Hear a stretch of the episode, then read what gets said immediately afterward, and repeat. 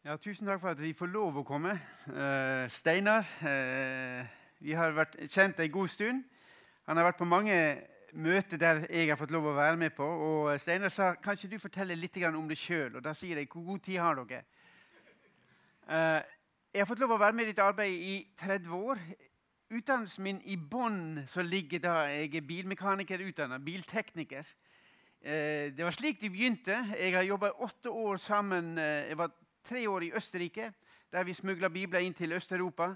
Fra 80 til 83 bodde jeg og familien og tre andre familier der nede og sendte ut 60-80 team hvert, hver eneste sommer med bibler inn til alle landene i Øst-Europa.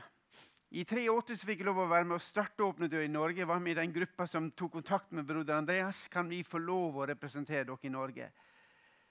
Og Han aksepterte det, og vi fikk lov å begynne. Og jeg fikk et spørsmål kan du komme til Nederland på hovedkontoret vårt treng, vi trenger en bilmekaniker et par måneder. Så jeg ble der i fem år. Og jeg eh, fikk lov å jobbe sammen med fem andre. En franskmann, en skotte og to nederlendere. Vi var fem stykker som jobba på verkstedet. Og det vi gjorde full tid, det var å bygge smuglerbiler. Hvert eneste år så bygde vi seks til åtte nye biler som vi kunne smugle bibler inn til Øst-Europa Sovjetunionen var det som var vanskeligst. De nyeste bilene gikk ett år på Sovjetunionen, og så brukte vi resten på, på, på de andre eh, østeuropeiske landene. Slik begynte det for min del. Jeg var 17 år da jeg sa Gud, jeg ønsker å bli brukt av deg. Og Gud tok meg på alvor. Og broder Andreas sa det på det møtet at hvis dere reiser dere, så husk at Gud tar dere på alvor. Og Jeg traff han ti år etterpå på hovedkontoret i Nederland og sier du hadde rett. seg.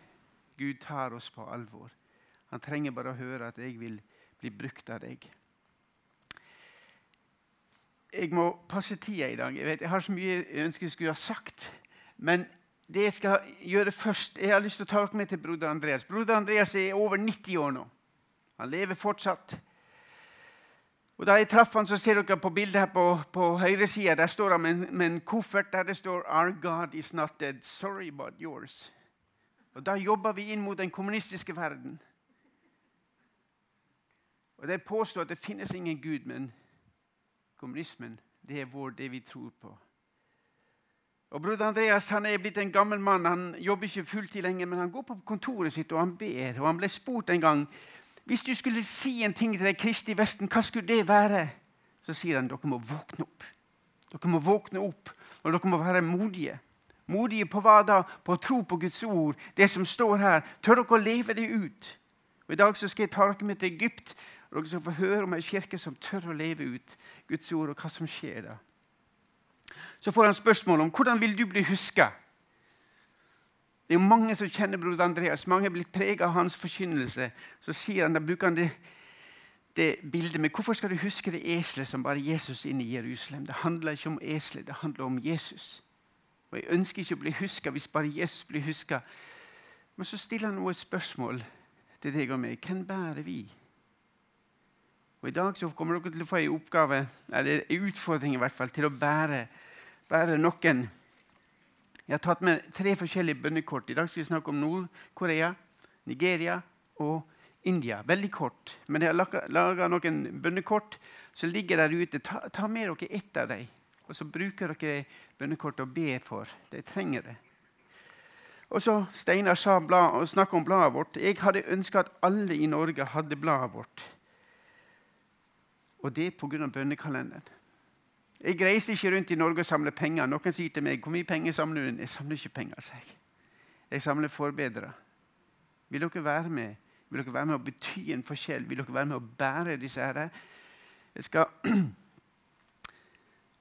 vise, snakke litt om, om, det i dag. Og dere ikke bare trenger de oss, men vi trenger deres vitnesbyrd. Som aldri før. Aldri i historien har vi trengt det forfulgte sitt vitnesbyrd. Og jeg tror Gud har en plan om dette med den forfulgte kirke, for han ønsker å vekke kirka i den frie verden. Og Gud, Et vitnesbyrd i mitt liv han Gud kaller ikke de som er kvalifiserte, han kvalifiserer de han kaller. Jeg syns det er så flott. Jeg er utdannet biltekniker. og Hvis jeg visste i 80 at jeg skulle reise rundt som forkynner, så tror jeg ikke jeg hadde turt. Men nå har Gud forandra oppgavene mine. Nå er jeg ikke bilmekaniker lenger, men nå reiser jeg og forkynner evangeliet. Men han tar oss steg for steg. og Broder Andreas sa det òg i 1955, når han begynte. Hadde jeg visst hva Åpne dører ble, så hadde jeg aldri turt. Det er blitt så stort, men han sa det at men Gud er nådig. Vi kan få lov å gå steg for steg sammen med ham. Dag for dag. Og Steinar sa 260 millioner mennesker blir forfulgt fordi de tror Jesus. Vi har en liste med 50 land. Hver eneste januar så kommer det en ny liste, og så står det hvor, hvor hard forfølgelsen er. Av de 50 landene er det 260 millioner kristne. Men vi jobber i 24 andre land. Altså Vi jobber i 74 land, og i de 24 andre landene er det over 60 millioner. Så det er over 300 millioner kristne som blir forfulgt for troa si. Og jeg pleier også å si når dere får det bladet vårt De av dere som ikke har bladet, jeg skulle ønske at dere sier at vi vil være med. Og I dag har jeg ikke lov å sende rundt lister. Men jeg, jeg vil oppfordre dere ta opp telefonen og så trykker dere på SMS og så sender dere meldinger til 2160. Så skriver du bønn. Så skal vi sende det bladet gratis til dere. Og noen damer, eldre damer ringte meg for, for, ikke så lenge siden og sa at ja, eh, jeg, jeg ringer for å si opp bladet mitt. sa hun. Nei, hvorfor det? da? Nei, du skjønner, jeg har så mange misjoner som jeg gir til, og jeg har ikke, jeg har ikke mer penger igjen. Så sier jeg, bruker du bønnekalenderen? sa jeg. Ja, ja, den bruker jeg. Ja, Men da beholder du bladet. Ja, men det, den, den, den bankgiroen som ligger der, ja, det er mer adresselister. jeg. Du kan hive den bankgiroen. men hvis du vil være med å be, så skal du beholde bladet. Kan jeg det? Så begynte hun å gråte. Så sier jeg vi trenger forbedrere mye mer. For det er det som åpner dørene. De dørene vi trenger å gå gjennom, de må åpnes av slike som dere. Og jeg har lyst til å vise, Når dere får bladet, så ta med dere kartet i januar og finne ut hvor er disse forskjellige landene. Her har dere de ti topplandene. Nord-Korea har lagt på topp siden vi begynte. Og uh, ny på lista som er kommet opp, er India. India med 1,3 milliarder mennesker. Visste dere at det var 60 millioner kristne i det landet? De kristne i, i, i India blir kalt quisling. Hvis du er en inder, så hører du til å være en, en hindu. Men jeg skal komme litt tilbake til det. Disse tre landene her skal jeg ta opp for dere. Der jeg skal snakke litt om veldig fort. For vi, vi, vi har ikke så mye tid, men hvis dere får bladet vårt så får dere vite litt mer. India der er det er en sosial boikott av de kristne. Kristne ønsker vi ikke. Vi ønsker det ut av landet. Og vi lager livet vanskelig for dem. Kanskje de stikker av. Det er målet. Og Vårt mål i Åpne dører er at de kristne skal forbli. At alle land skal ha kristen kirke. Irak I 2003 gikk den allierte hæren Hele den frie verden gikk inn i Irak for å forandre, for å, for å gi Irak demokrati. Da de gikk inn, så var det 1,5 millioner kristne i det landet. I dag er det 150 000 igjen. Og broder Andreas han sa det at hvis vi skal gå inn i et land og forandre land Vi kan jo aldri gå inn med en hær. Det eneste som kan forandre menneskehjertet, det er denne boka. her. Dette er det som kan forandre mennesket. Og Vårt mål er at alle land skal ha en kirke. I dag så vet vi at i Irak så har vi begynt det vi kaller håpsenter. 65% av kirken i Irak er blitt et håpsenter. 20% av kirken i Syria er blitt et håpsenter der vi hjelper dem. Der vi støtter dem, og de får gi nødhjelp, de får gi underdisiplinering, de får lov å få traumehjelp. De får alt det de trenger, og vi hjelper dem til å være ei kirke. Ei kirke som lyser Guds kjærlighet ut til et samfunn som trenger desperat Guds kjærlighet. Og som jeg sa, vi, Vårt mål er at de kristne skal få bli, og vårt mål er at de kristne skal få lov å bli i India. Men pga. covid så, sier lederne våre der nede at vi ser mennesker som trenger hjelp. De blir isolert. De får ikke lov å hente vann på brønnen. De får ikke lov å selge varene sine på, på, på markedet. Ingen kjøper. Og de står helt uten måte å overleve på.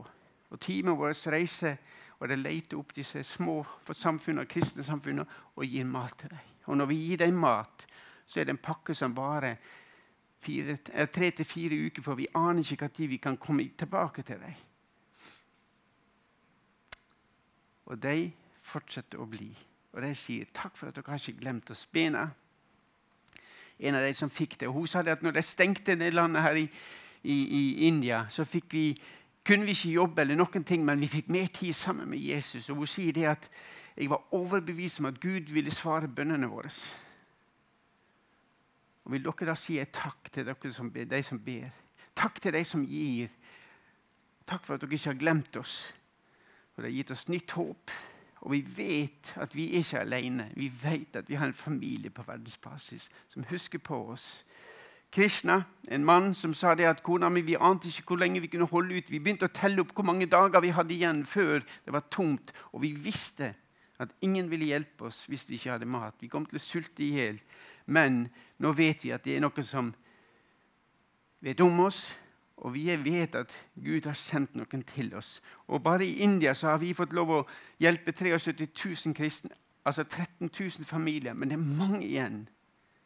Og Teamet vårt sier vil dere be for oss når vi reiser rundt, for vi utsetter oss for covid-19. Be om at vi må få lov å bli bevart, slik at vi kan fortsette å hjelpe Kirka. Nord-Korea. Mange tror at de ikke er kristne, men det er vi pleier å si 300 000 kristne. Mellom 200 og 400 000 kristne er det. Et land på 25, 25 millioner mennesker.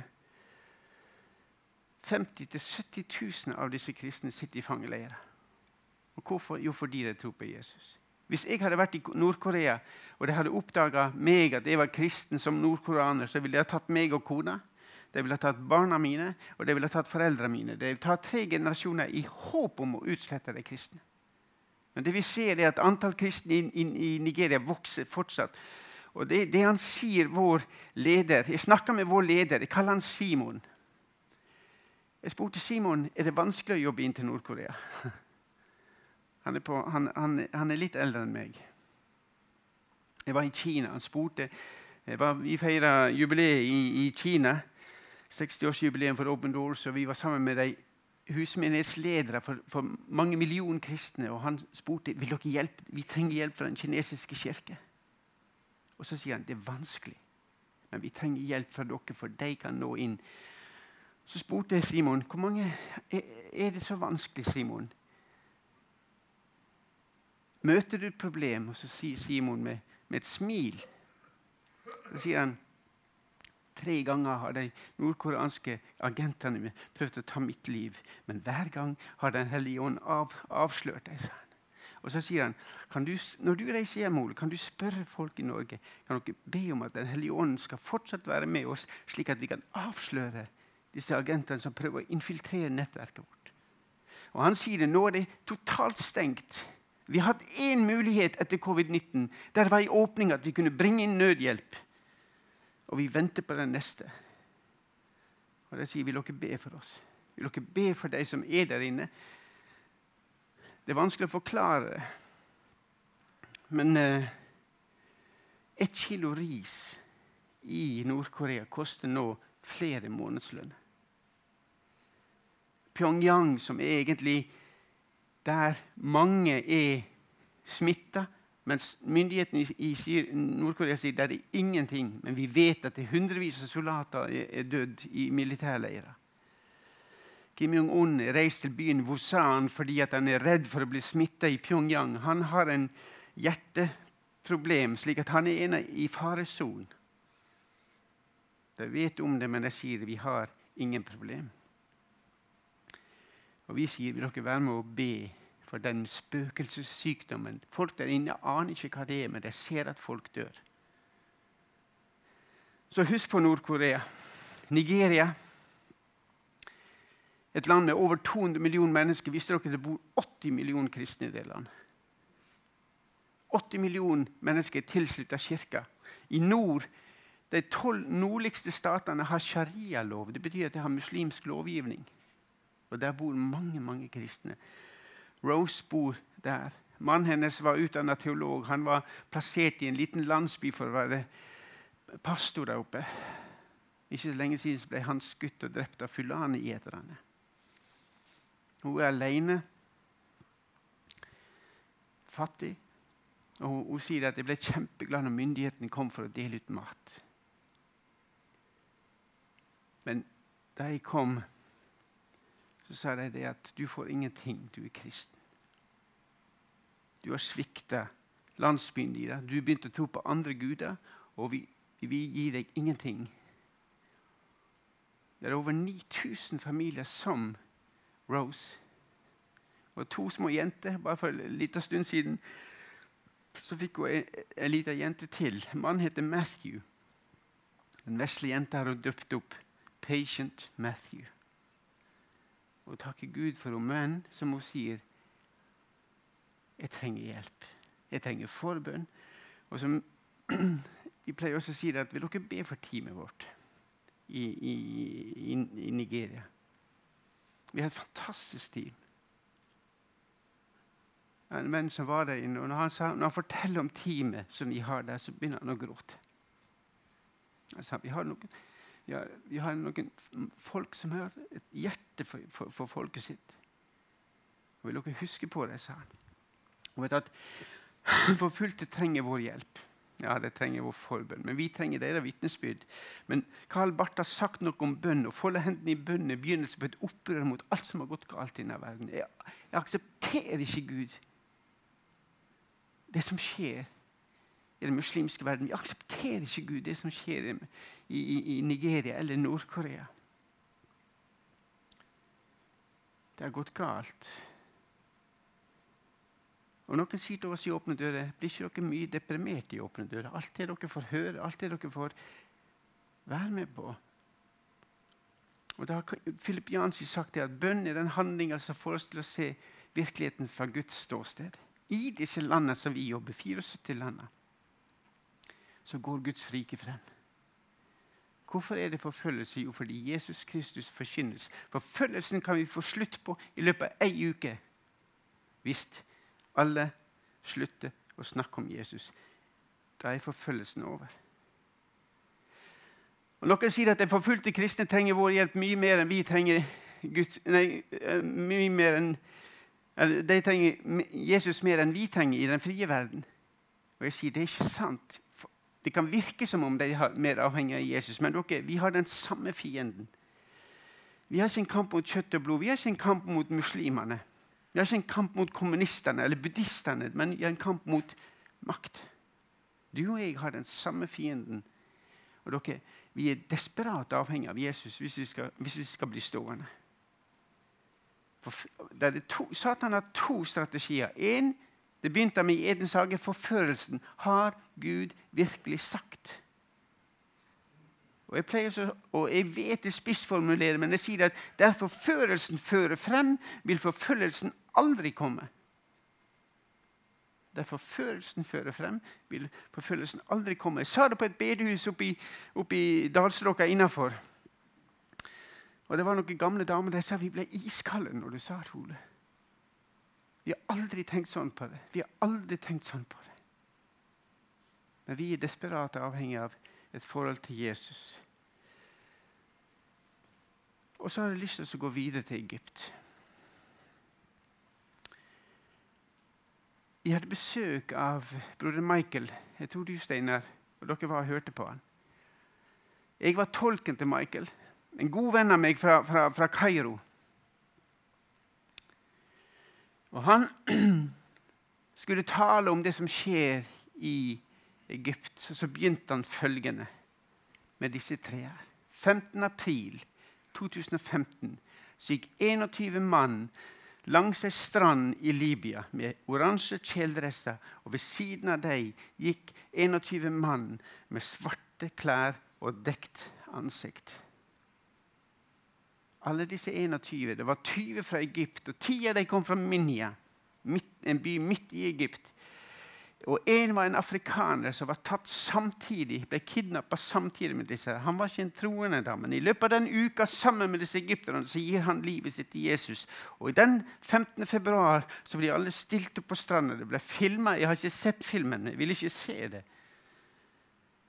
Men da får de spørsmålet Vil du fremsi den muslimske trosbekjennelsen, og fornekte troa på Jesus Kristus. Hvis ikke, så tar vi ditt liv. Og én og én så velger de Jesus. Og én og én så blir de tatt. Så kommer de helt tilbake til, så kommer de til den afrikaneren som har vært kristen ei uke sammen med dem. Han får samme spørsmålet, og han velger Jesus. Egypt, Bibelselskapet i Egypt sendte ut en mail til alle kristne etter det skjedde. Og Så stilte de spørsmålet hvem var mest redd av de 42 som gikk på stranda? Var det de i oransje kjeledresser eller de i det sorte?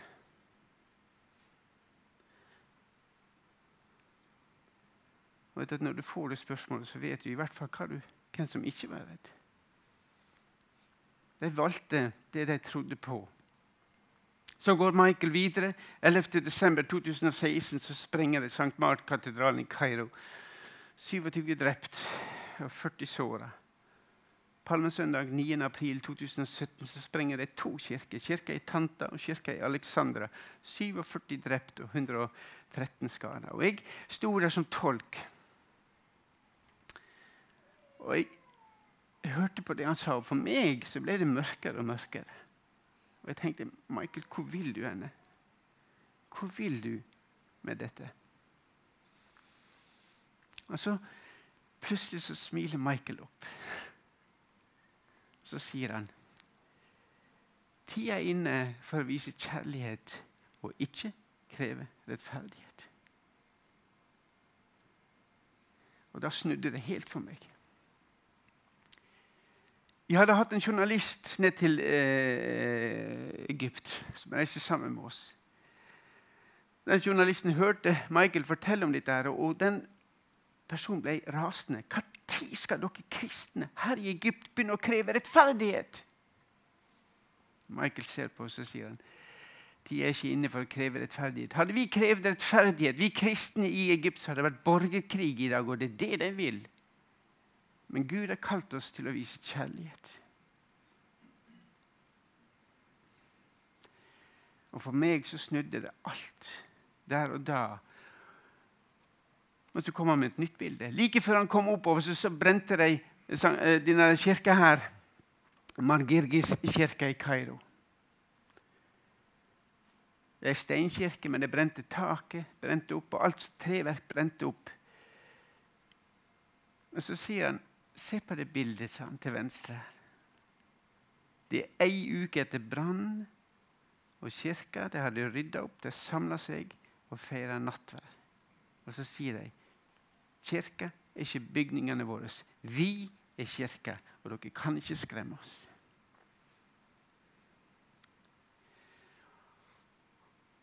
Jeg var der nede og besøkte ei av kirkene som var sprengt. Denne karen her satt på en stol rett innenfor porten. Jeg visste hvem han var. Jeg gikk bort til han og sa jeg kan få lov til å ta et bilde av deg. Han smilte. Ja, sa For broren hans var den forrige vaktmann. Da selvmordsbomben slo til i kirka Og han mistenkte han, han sprang etter mannen inn i kirka, der mannen gikk over på høyre side, der barn og kvinner sitter. Og han slo rundt, hendene rundt ham for å dra han ut idet han detonerte bomba.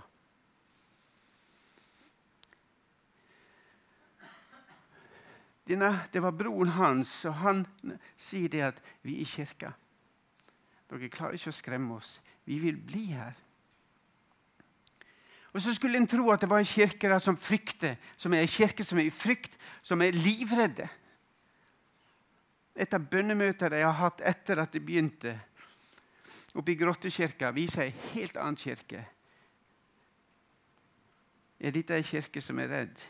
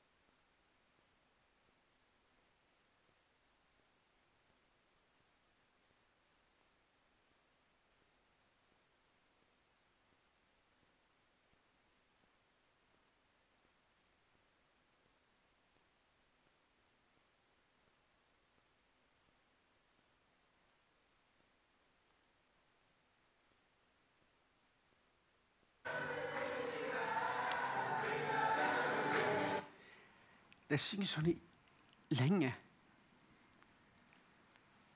De samler seg til bønnemøte. Når de har bønnemøte med 50 000, så jubler de og så priser de Jesus. Og så sier de evangeliet går frem.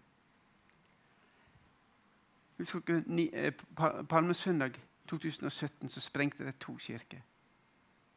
En uke etterpå, etter at de kristne hadde valgt familiene, hadde blitt intervjua på TV, og de går ut og de velger vi, vi tilgir. Fordi Jesus har bedt oss tilgi. Matteus 5. Du skal elske dine fiender. Du skal tilgi dem. Som sagt, Første påskedag 2017 så, in, så inviterer en av de mest kjente TV-vertene to pastorer. Og Det er en pastor Samer som sitter til høyre, som leder den evangeliske kirka i Kairo. Den største evangeliske kirka i, i Midtøsten med 10 000 medlemmer. Jeg har vært på gudstjeneste mange ganger. 2000 mennesker kommer på gudstjeneste hver dag. hver gang, Og det strimer ut. Det, det skjuler seg ikke. Disse to pastorene, en god venn, og det fantastiske med det som har skjedd etter revolusjonen, er at den ortodokse kirka og den evangeliske kirka begynner å finne sammen. Det har ikke vært enkelt hele veien. Men pastor som meg og ortodokse ledelsen er gode venner, og de kommer sammen. Dere så ortodokse var med på bønnemøtet sammen med det evangeliske. Det har ikke skjedd før. I to timer får disse to pastorene her mulighet til å sitte og svare på følgende spørsmål. Hva betyr Jesu kors? Hva betyr at Jesus Kristus døde på korset? Og hvordan kan dere kristne tilgi? I to timer får de sitte og forkynne evangeliet på hovedkanalen, kanal nummer én, i primetime. Alle har fri den dagen. Mange millioner ser på. De kristne sa at om vi hadde betalt 10 millioner dollar, så hadde vi aldri fått lov å kjøpe sendetid på Kanal 1 for å vitne om Jesus. Aldri. Det hadde skjedd to år før, eller et år før. I 2016 hadde en av de mest kjente forfatterne i Egypt, muslimske forfatterne, stilt et spørsmål hvordan kan kristne vise kjærlighet når det viser så mye hat mot dem. Og Han fikk på en av de største lørdagsavisene i Egypt så fikk han én side, og på den sida printa han 50 vers fra Bibelen der Guds kjærlighet blir presentert. Og Igjen sier de kristne hvordan vi hadde aldri fått kjøpe ei sånn side.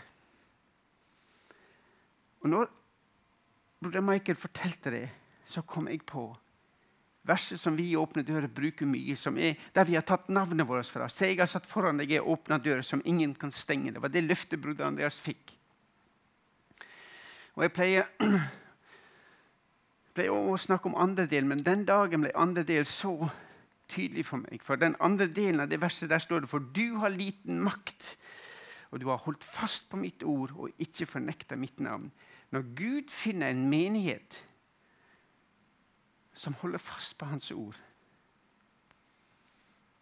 og ikke fornekter Hans navn, da kan Gud åpne dører som de aldri hadde trodd kunne så åpnet. Det ser vi i Egypt. Og for min del så ble det så viktig at den siste delen av det verset det er viktig for at den første delen skal oppfylles. Gud trenger en kirke som tør å stå på Hans ord. Og dere, Vi er inne i en tid i den frie verden der vi blir stilt spørsmål ved Guds ord. Og Enkelte ganger så vet jeg at Bibelen blir kalt hatlitteratur fordi det passer ikke inn korrekt, politisk korrekt. Og Jeg skal ikke gå inn på den debatten. Det handler ikke om enkeltsynder. Det gjør ikke det. Det handler om at vi har et vegg mellom menneske og Gud. Og Gud har tatt vekk den veggen, men mange mennesker vil ikke erkjenne det. Det er ikke noe skille mellom oss og Gud. Fra Guds side så er skilleveggen tatt vekk.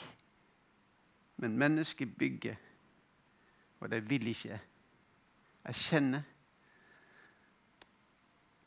det som står her. Hanna som vi fikk lov å reise sammen, som er fra Sørvest-Asia. Hun talte til noen ungdommer på en bibelskole, og hun sa det at dere i Vesten dere må forbli ei sterk kirke. Dere må stå på Guds ord, for vi trenger ei sterk kirke som står, som ber for oss. Og dere, Når de definerer seg som sterke, så sier de det kommer helt an på hvor mye dette her preger livet deres.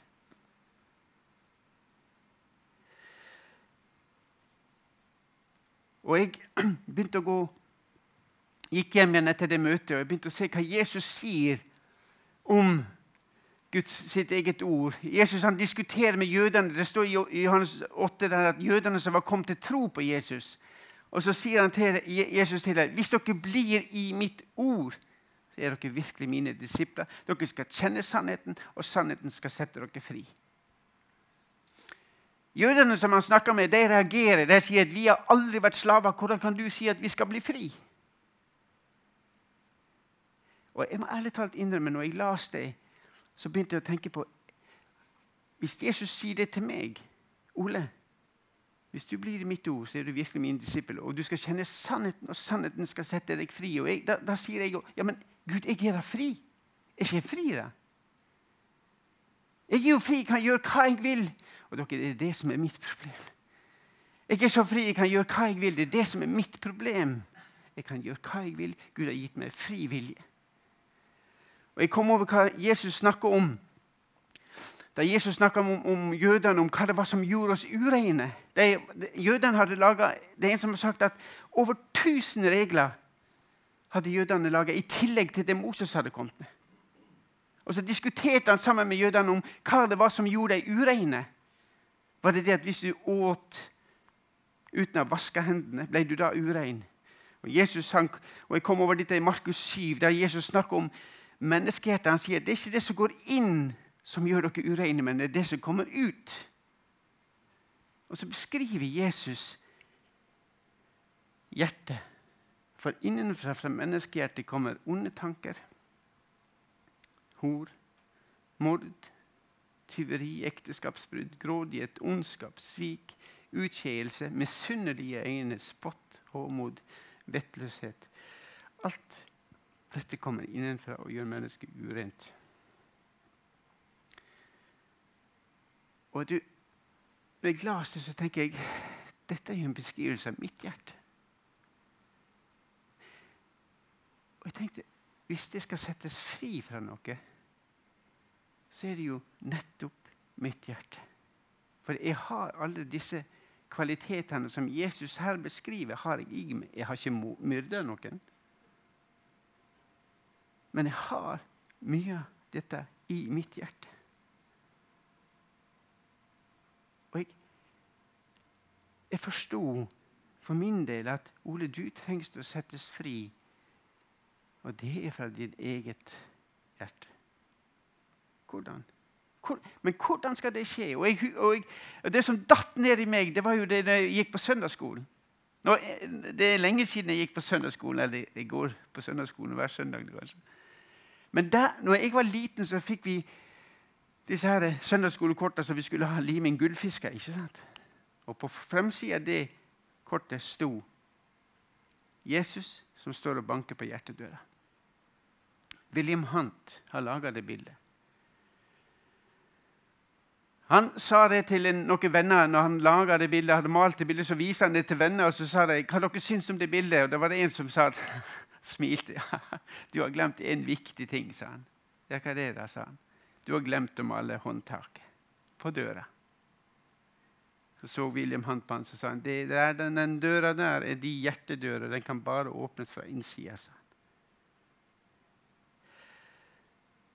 Og når jeg hørte en historie, så tenkte jeg på det som står i Johannes' åpenbaring 3,20. Og så legg merke til, Hvis dere går tilbake hjem nå og så leser åpenbaringsboka 3, tredje kapittel, og det er kapitler om sendemenigheten, så skal dere se at det sier Jesus til sin, sin menighet. Til sin kirke. Han sier ikke Før så tenkte jeg at Jesus sa det til de hedningene, men han sier det til sin kirke. Og Det er nesten utrolig at han sier det. Se, jeg står for døra og banker, og om noen hører min røst og lukker opp, så skal jeg gå inn og holde måltid med han. Og Jeg sa til Jesus jeg trodde jeg hadde åpna opp for deg i, i 1970. Da var jeg 14 år. Jeg vokste opp i en kristenheim. Men 14 år gammel så sa jeg ja til Jesus for første gangen. Jeg trodde jeg hadde lukket opp for deg, Jesus. Og Da hører jeg en stemme som sier ja, men Ole, lukker du opp for meg? Slipper du meg inn når du er sint? Når du er bitter? Når du er såra?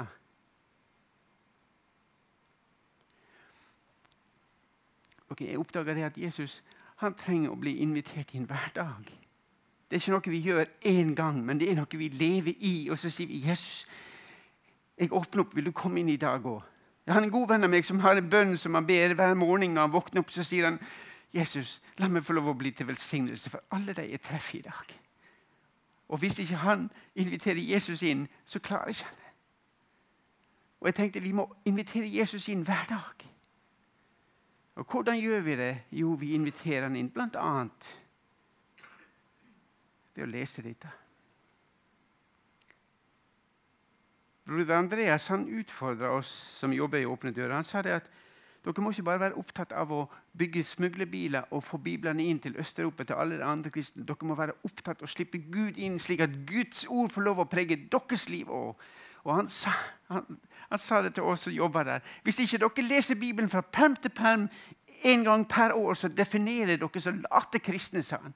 Hvordan kan dere forvente at Jesus skal jobbe i livet deres hvis ikke han, dere, han, dere kjenner hans ord? Og det utfordra meg.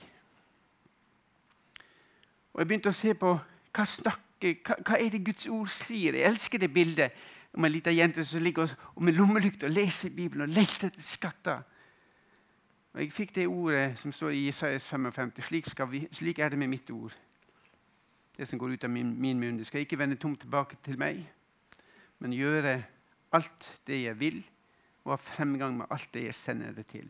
Gud har gitt et løfte at hvis, hvis vi leser Guds ord, så skal det skje noe. I samme kapittel i vers 13 så står det og istedenfor tonekratt skal det vokse opp sypresser, og istedenfor nesle skal det vokse opp myrter. Og Jeg synes det er så flott, fordi at jeg, jeg har jo tonekratt i mitt liv. Jeg har nesle. Og Så står det ikke at Gud skal rykke det opp med rot. Han står han skal forvandle det. Han, han forvandler tonekratt. Altså Guds ord er, er en forvandlende kraft. Vi, vi behøver ikke å og, og forandre oss. Det vi må gjøre, det er å slippe Jesus Kristus inn la Hans ord få lov å virke. Og så står det at åndens sverd står det i, i Efeserane 6. Åndens sverd er Guds ord. Hvis vi vil at Den hellige ånd skal jobbe i vårt liv, da er vi nødt til å lese det, for dette er det Den hellige ånd bruker.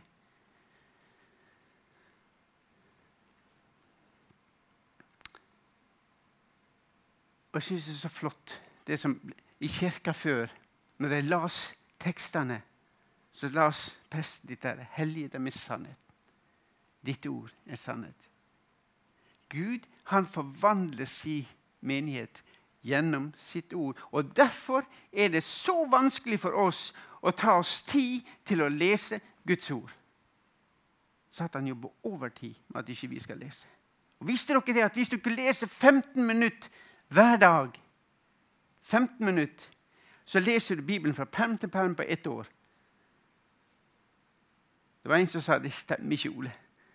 Jo, 15 minutter per dag så leser du Bibelen fra perm til perm på ett år. Og Det var en ung mann som ringte meg en gang. Jeg hadde vært på ta og talt i kirka. Så sier han 'Hallo, er det du, Ole?' Ja. Ja, I dag er det akkurat et år siden du var hos oss, sa han. Ja, det kan ikke jeg huske. Da må jeg se på kalenderen. Ja, men det er et år, sa han. Jeg vet det. Ja, Hvordan vet du det? Jo, for i dag la jeg ut Bibelen, sa han. Og det er sant det du sier, 15 minutter per dag. For det begynte den dagen. 15 minutter per dag så leser du Bibelen fra perm til perm, og jeg kommer til å fortsette igjen hele livet. Og jeg sa takk, Gud.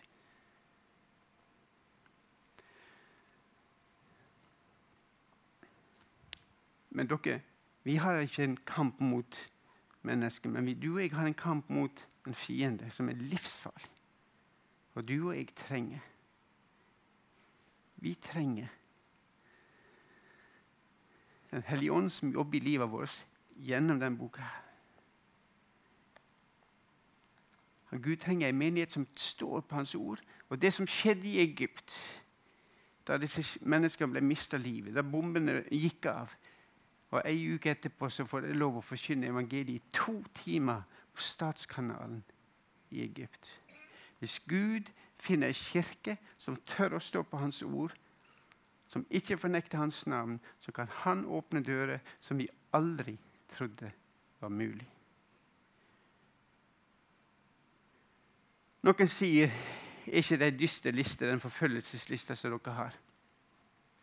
Og jeg sier nei. For Guds rike går frem i disse landene.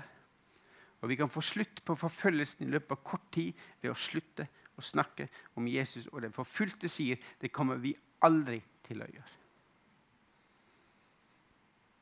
Ser dere nå at den forfulgte kirke har òg en hensikt? Og det er å vekke kirka i den frie verden. Vi trenger deres vitnesbyrd som aldri før, men de trenger forbedra. Og arbeidet til å åpne dører kommer til å vokse. Det vet jeg. Og igjen så oppfordrer dere Hvis dere ikke har bladet, ta det med det bladet som ligger der ute sammen med en bønnekalender. Send en SMS. Det er 2160. Skriv 'bønn', så skal dere få bladet gratis tilsendt. Vil dere være med og bety en forskjell?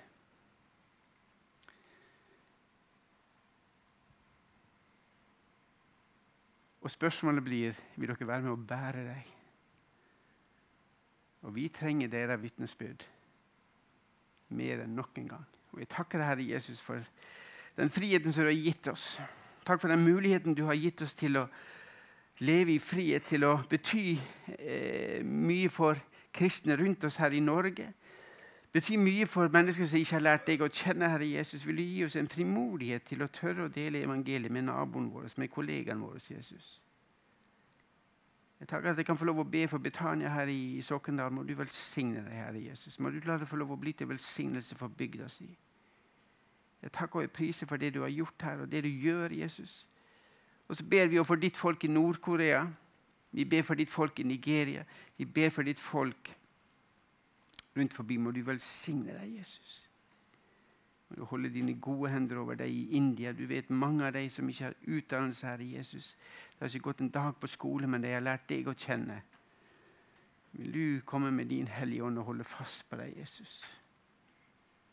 Må du holde fast på deg i Nigeria, som får tilbud om mat hvis de, vendet, hvis de avslutter troa på deg, Jesus. Må du gi deg hjelp på en annen måte.